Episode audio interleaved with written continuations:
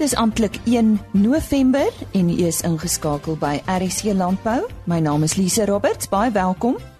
Ons praat ver oggend oor volhoubaarheid. Dan kry ons terugvoer vanaf 'n veiling wat op die plaas Ararat in die Dordrecht distrik plaasgevind het vroeg in Oktober. Ons derde en laaste finalis in die graanprodusent van die jaar toekenninge is Jan Boshoff daarvan die Delmas omgewing en hy vertel ons van sy boerdery. En dan vertel Dion Heinz ons meer van die Humansdorp koöperasie. Eers dan die woord vir oggend Henny Maas. Ons gaan uh, nou oor volhoubaarheid gesels.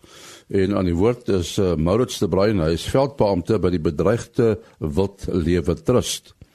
Volhoubaarheid is 'n is 'n woord wat baie gebruik word uh, Maurits. Uh, wat beteken dit om volhoubaar te lewe en en en uh, hoekom dink jy is dit belangrik? Ja, sien, laat ek maar net begin deur te sê volhoubaarheid is 'n term wat ek nou nog ons glo in almal se woordeskat moet wees in Suid-Afrika. Nou om dit maar eenvoudig te kan stel, beteken die term om vandag se behoeftes wat ons het te kan bevredig sonder om toekomstige generasies te hinder om aan dieselfde behoeftes te kan voldoen. Nou, laat ek 'n voorbeeld neem. Veronderstel ons almal bly nou in 'n woud en daar's 'n groot winter op pad en ons kap af elke boom in hierdie woud net om vir ons hitte te kan gee. Nou wel het ons nou hitte vir daai een aand, maar ons het sopas enige hoop vir ons kinders om dieselfde te kan kry uitgevee. Ook uh, dis baie eenvoudig hoekom dit so belangrik is. Ek meen dit on, ons toekomsgenerasies hang uit en uit daarvan af. Ja, hoekom is dit uh, ook belangrik vir ons vir ons land se biodiversiteit? Kyk nou, hierdie twee loop hand aan hand met mekaar. Ehm um, volhoubaarheid in ons land se biodiversiteit is uit en uit op dieselfde bladsy. Ehm um, soos die aanvraag na meer landerye en myne natuurlik soos ons populasie toeneem, baie aanvraag natuurlik groei en dit gaan aanhou groei. Byvoorbeeld nou soos nou vir koring, mielies, soja, enigiets van daai soort dinge. En nou dink dit vereis natuurlik meer en meer lande om geploeg te word, meer en meer lande om gemyn te word. En dit intedeel affekteer dan direkte invloed op ons biodiversiteit. Met ander woorde, as ons ophou om volhoubaar te lewe, is ons biodiversiteit die eerste ding wat geaffekteer word.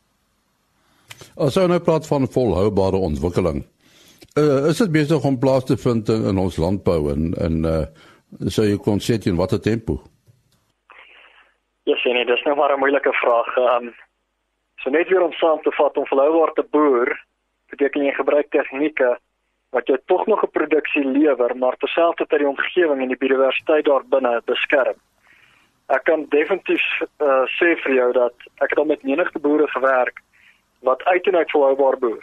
Nie drasties oorbewei nie of vlei lande bewerk nie. Die plaas is dieselfde of selfs beter toestand vir hulle kinders eendag. Maar ongelukkig op daai noot was ek al op honderde plase gewees waar die mense die hulpbronne jare terug al uitgeput het tot op die ergste wat hulle moontlik kon. En ek kan sê soos byvoorbeeld klimaatsverandering wat meer en meer 'n faktor is in ons landbousektor, is volhoubare ontwikkeling definitief nie besig om op die regte spoed te gebeur nie.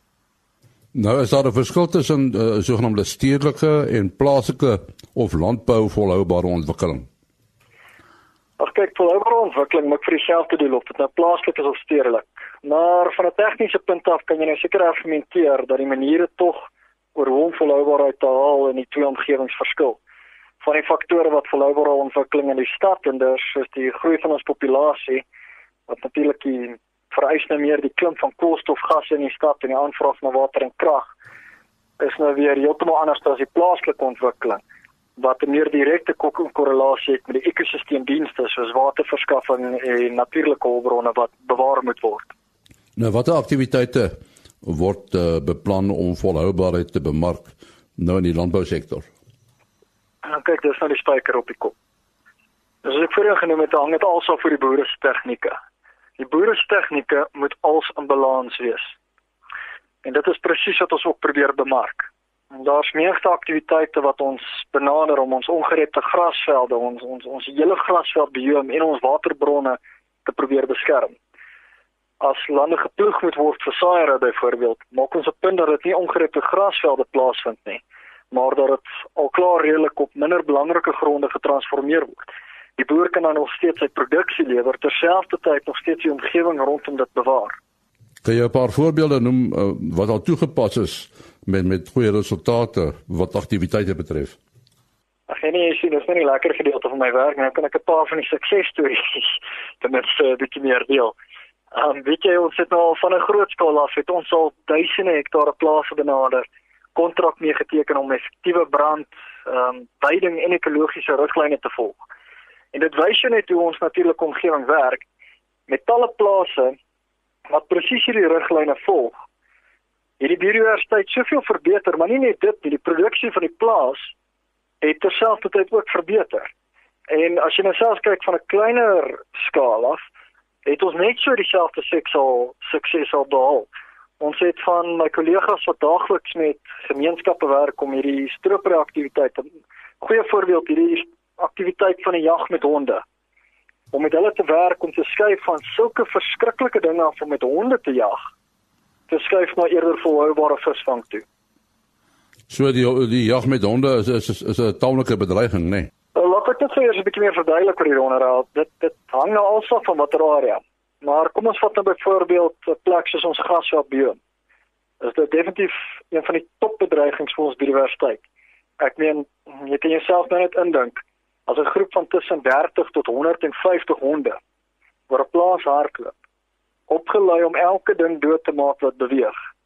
Kan jy nou net vir jouself indink as dit op 'n daaglikse basis gebeur, hoe dit net ons biodiversiteit direk affekteer? Nou as jy mens nou kyk na volhoubaarheid in in ons land Suid-Afrika, is daar iets wat uh, in die pad daarvan staan? Wat verhoed dit? En nee, ehm um, persoonlik is dit twee baie eenvoudige vredes vir my, vir my en dit sal net onkunde en gierigheid wees. Dat sê heel kort en kragtig. Dit was Maurits de Bruin, hy is 'n veldbeampte by die bedreigde wildlewe trust. Dankie Henny. Karen Venter het vroeg in Oktober by 'n veiling gaan inloer en eh, sy gee vir ons terugvoer en gesels ook later met uh, die persoon wat die, die duurste bul gekoop het. Dit is die 5de Oktober. Ons is hier by Johan Greiling se 12de produksieveiling van Bonsmaras. Dit is op die plaas Ararat in die Dordrecht distrik. Johan van Rooyen het vroeër vanoggend 'n lekker praatjie gelewer met die boere gesels. Hy is eintlik 'n professor by Stellenbosch. Ja, ek het gepraat oor mededingendheid in die landboubedryf, maar dan veral in die uh, bees beesomgewing en ons het 'n klompie gedagtes uitgeruil oor hoe dit verbeter kan word. Ons het ook gepraat oor die waardeketting en hoe belangrik dit is dat die boer 'n groter aandeel in die waardeketting bekom. En dan uiteindelik het ons 'n bietjie gekyk na strategieë wat op die plaasvlak uitgevoer kan word. Hoe dat uh, mense byvoorbeeld die produk kan verbeter na 'n uh, 'n uh, 'n uh, handelsmerk artikel en ook die toekoms wat hou die toekoms vir ons in. Ons weet daar's baie ontwikkelinge rondom digitale verandering tegnologiese ontwikkeling. En die vraag is maar altyd uh, hoe maak jy jou gereed dat die geleenthede wat na vore gaan kom uh, jou nie verbygaan nie? Moet ek die bulveiling ondervind? Ongelooflik. Dis so opwindend. Dis so lekker hier in die eh, landelike omgewing. Ons het lekker reën gehad, die son skyn vandag en ek moet sê as daai afslaer so aangaan dan ja, wil ou amper jou eie hand ook opsteek. Dis werklik 'n opwindende gebeurtenis. Was baie lekker. Ek kuier nou met Gert Nel. Hy het die dierste bil hier by Johan Greiling se veiling vandag gekoop. Dit was die 12de produksie veiling van sy Bonsmaras. Die bil het vir 46000 gegaan. 'n pragtige dier. Ehm um, maar Gert gaan gou vir ons luisteraars 'n bietjie vertel Wie is hy? Waarom kom hy van so ver af om 'n bil te kom koop? En ehm um, wat is dit omtrent die bonsmaras wat vir jou so aantreklik is? Goeiemôre eh, Karen. Ehm um, ja, vir my is 'n uh, die bonsmara ras is besonder omdat dit aanpasbaar is. Ek loer al so 22 jaar met uh, bonsmara stoet. My stoet is Germar bonsmaras van Bloemfontein. Ek en my seun Gerard uh, saam in hierdie stoet betrokke en ons het die bil gekoop omdat ons dink die bil het 'n besonderse bouvorm, besonderse konstitusie en ook besonderse teelwaardes en ek dink dit kan 'n bydrae aan ons stoet lewer.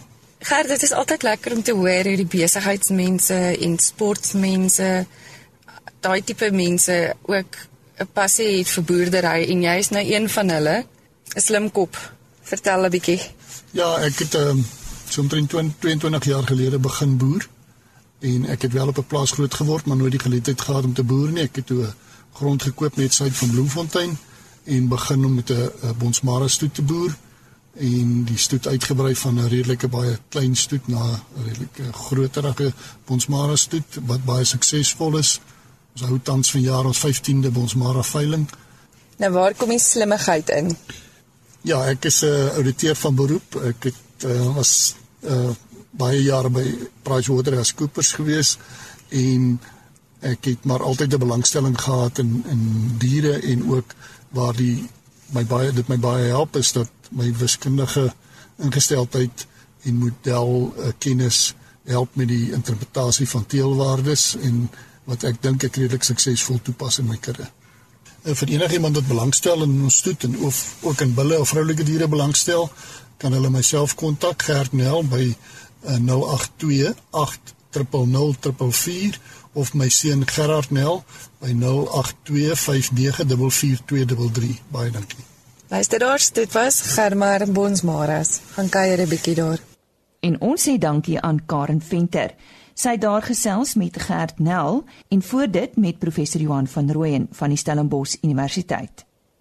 Ons gaan kuier nou op die plaas Kromdraai in die Delmas omgewing en ek gesels met Jan Boshoff.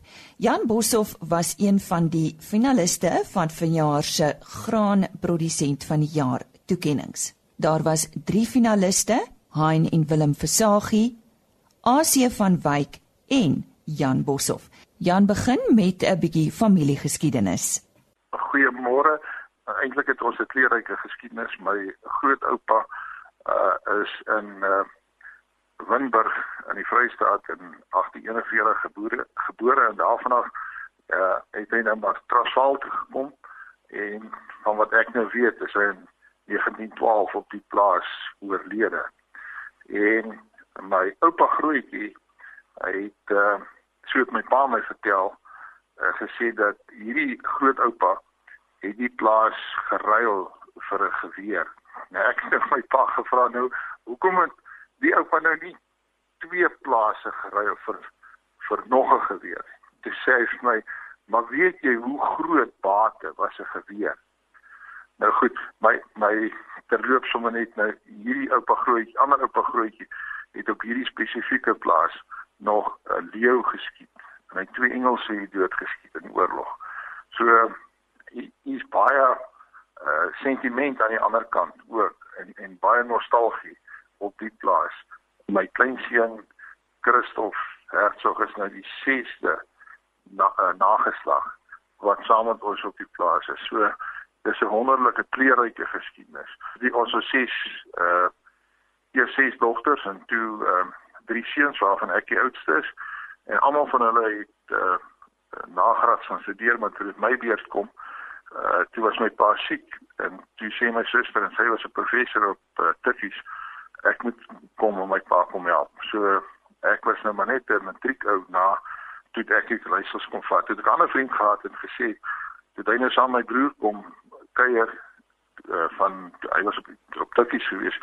Toe was hulle op met tafel en gesels en toe vra hulle nou vir my pa nou uh wat wil julle eendag doen? En toe sê hy nee maar hulle leer studeer. Dit nou sleg gaan dan het hulle nou dan iets om terug te val. En toe my pa, nou dit hy vir my vertel lank na die tyd, toe my pa vir hom gesê julle gaan al twee eendag weghardloop. Nou ek het hier diep drywig gaan, ek het nie agterdeur gehad nie. Ek het net maar voor vasgebyt en deur gegaan. So dit net maar net sommer te loops. Kom ons gaan aan ons tweede vraag toe. Ek hoor saai boerdery was nog altyd jou sterkpunt. Ek lees daaroor en 'n stroom water jou droom. Nou waarheen het dit toe nou gelei Jan? Wat uh, wat verbou julle? Vertel ons van wat doen julle op die plaas? Uh, ons plant mielies, sojabone en uh, ertjies onder besproeiing. Uh, ons het aardappels ook uh, uh, verbou. Ehm um, kort dan vandag wil ek jou sê my stroom passie vir water. Ek was die stigtingsvoorsitter van die droëbode produsente organisasie en toe ek 'n toer uh, gelei ehm uh, Amerika toe. En toe was ek daar by die uh, Niagara watervalle. En uh, ja, ek het nou in 84 het ek en my broer 'n dam gebou, maar ek het daai stroomwater so gekyk en gesê, jy weet, as ek daaraan nou so stroomwater het, ek kan dit opvang. Hoeveel spulpunte en hoeveel besproeiing kan ek nou daarmee dan doen dit om te sê ek kan nou nie so baie water in Suid-Afrika tot my beskikking hê. Maar as ek nou water kan bymekaar maak, nou en water kan benut dan probeer ek dit elke moontlike manier uh, doen al is dit om 'n windpomp op te sit. So uh, ja, die water water is vir my baie belangrik. Jou vrou Rita, ehm um, ek ek hoor sy het ook 'n gedeelte van die boerdery onder haar vlerk geneem. Watter deel is dit nou ehm um, aan die seker aan die ander kant? Ja, toe ons nou op 'n stadium met ek en my broers nou verdeel en toe ons nou uh, het, het ons nou die beesboerdery uh oorgeneem. Ek was net eers op die saaier alleen en toe sê sy gesê goed, sy gaan vir ons help in die met die vee. Ehm uh, en en toe het ons nou begin met ons stoetery. Ons deel van die beeste gevat en ons stoetery nou mee aangegaan. En toe sy nou vir 'n hele klompie jare was sy die een wat in die kraal gestaan het en die beeste geweeg het en en uh daarmee aangegaan het tot ons seun Chris daarbey betrokke geraak het. Watter rol speel presisieboerdery by julle Jan? Kyk ek ek wil sê in vandag se boerdery gaan oor skaal en dit gaan oor prestasie.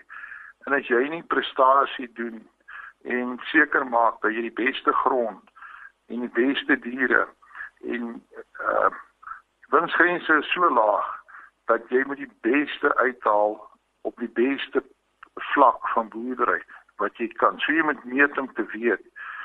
Jy kan nie op swak grond ehm uh, bemes vir 'n topoes nie.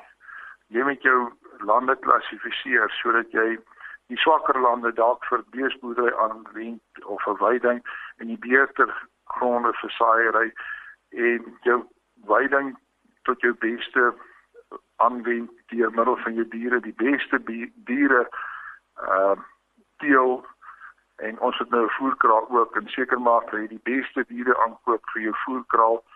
Ehm uh, so jy moet die beste wees om vandag te kan oorleef. Moet jy op alle vlakke die beste wees. Jy moet prestasie gedrewe wees. En daarom is presisieboerdery op alle vlakke uh belangrik. As jy, as jy dit nie doen nie, gaan jy uitsak. Ehm uh, dis ongelukkig 'n uh, 'n uh, uh, 'n werklikheid uh in die lewe. Jy moet die beste wees. Waarop uh, is julle kultivarkeuses gebaseer, Jan?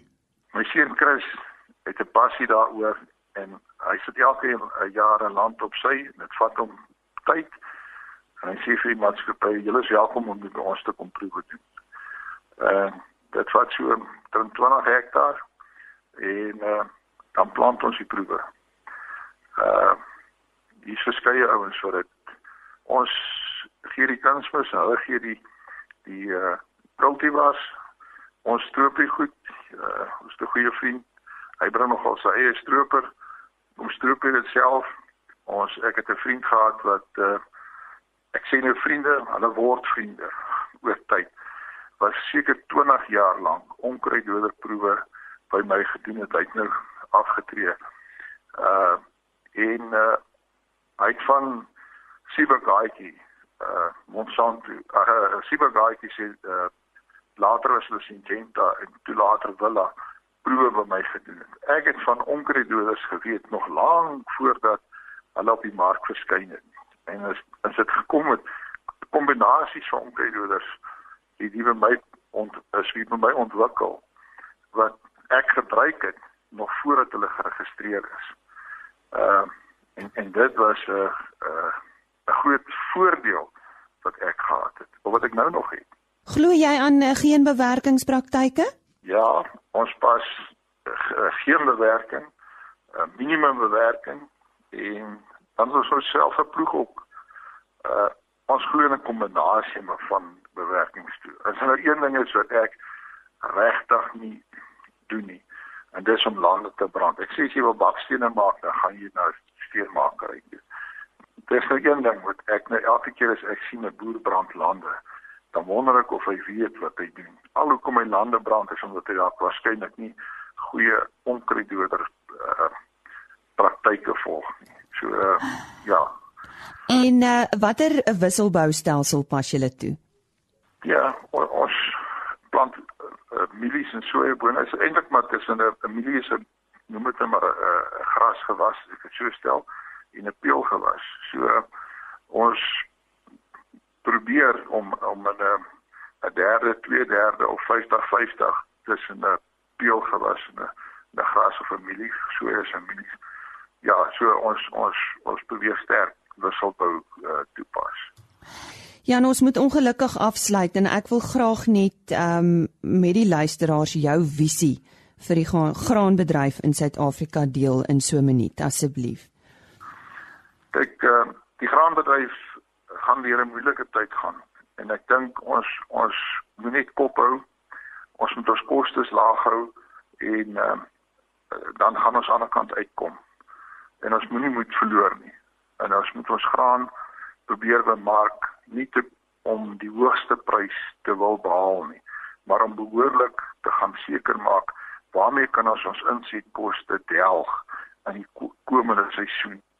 Ehm um, en nie wag tot die prys op sy laagste is en dan wil sien nou moet ek my mielies op die mark stort nie.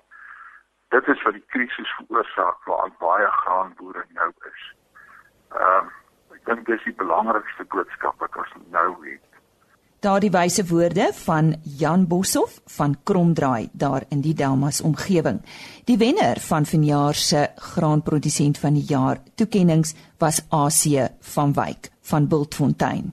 Nog 'n persoon wat Karen Venter onlangs raak geloop het, is Dion Heinz van die Humansdorp Koöperasie. Ek is die SEB bestuurder by die Humansdorp Koöperasie. Ons hoofkantoor is in Humansdorp en ons het 'n uh, hele klompie takke reg deur die Ooskaap.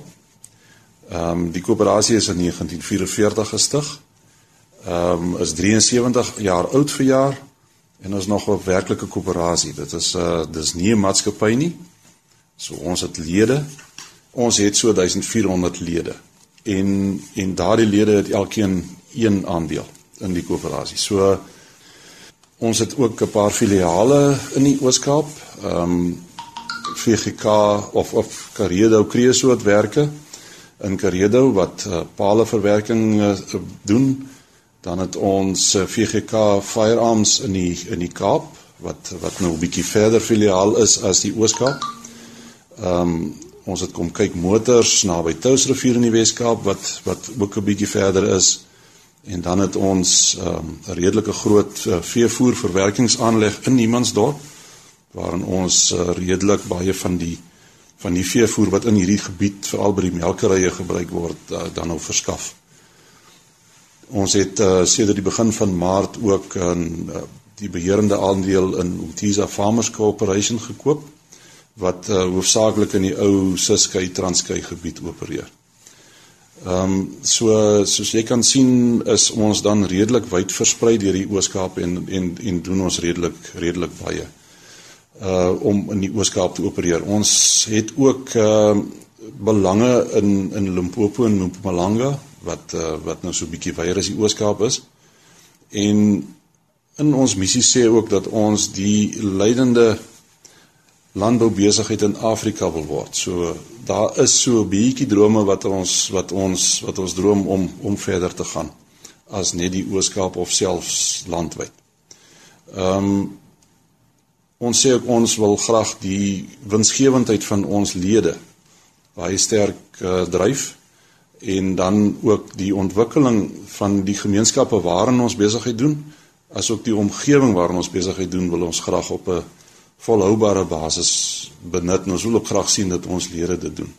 So ons ons probeer alles as ons as na hierdie gedeelte kyk, probeer ons ons fokus altyd so hou dat ons dit as deel van ons besigheidsplan op die grond kan neersit. Ons het op hierdie stadium so 926 werknemers in die maatskappy. Uh, so 3 jaar gelede het uh, die direksie van die koöperasie 'n besluit geneem om 'n SEB afdeling of 'n swart ekonomiese bemagtigingsafdeling te stig. En die mandaat van daardie afdeling was om te help van die koöperasie se kant af dat uh opkomende swart boere dat ons moet poog om hulle suksesvol te maak. So die missie en die dryf van hierdie afdeling waarvan ek dan die bestuurder is is om werklik te sorg en te help dat ons uh swart besighede en opkomende besighede wat uh, langtermyn ekonomies lewensvatbaar is en die moontlikheid het om lewensvatbaar te wees dat ons dan alle maniere moet bedink en modelle modelle moet uitrol om om hierdie persone te help sodat hulle suksesvolle boere kan wees in die langtermyn. Ons het meer as een model waarvan ons het op hierdie stadium so 69 projekte wat aan die loop is en wat suksesvol is. Ehm um, ons die grootste deel van daardie projekte is doodgewone finansieringsmodel waarin ons die remfondse van Landbank of die REM fondse, dis Retail Emerging Market fondse van Landbank as 'n implementeringsagent na hulle toe uitrol. Dit beteken doodgewoon dat uh, die koöperasie ehm um, soos in goed staan vir die lening by Landbank, maar dat ons dit dan op risiko uitleen aan aan lede wat uh of aan opkomende boere wat dan nou ehm um, ekonomies lewensvatbare besighede het.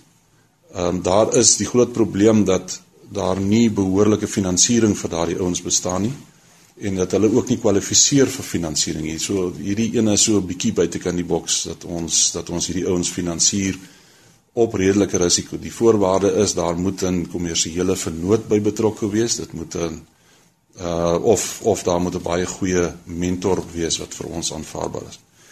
Ehm um, die ander manier is in die ander model is dat ons ook ehm um, die die kommersiële vennoot word in van hierdie projekte. Ons uh, doen dan in dan 'n uh gemeenskaplike projek waarin ons 'n operasionele maatskappy stig en saam met hierdie ouens in 'n boerdery betrokke raak. En ons het 'n paar van hierdie projekte wat reeds loop en wat wat op hierdie stadium redelik suksesvol is.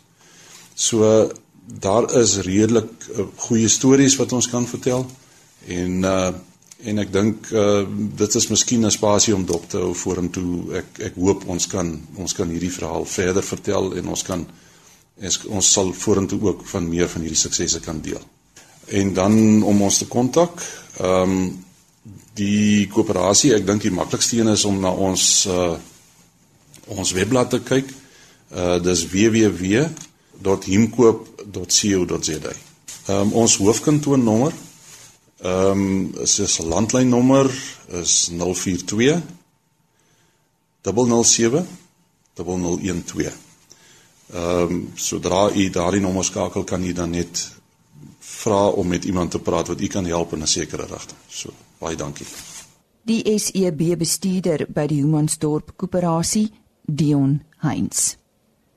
Skakel gerus môreoggend om 05:30 weer in vir RSG Landbou. Totsiens. RSG Landbou is 'n produksie van Plaas Media. Produksieregisseur Henny Maas. Aanbieding Lisa Roberts en inhoudskoördineerder Jolandi Root.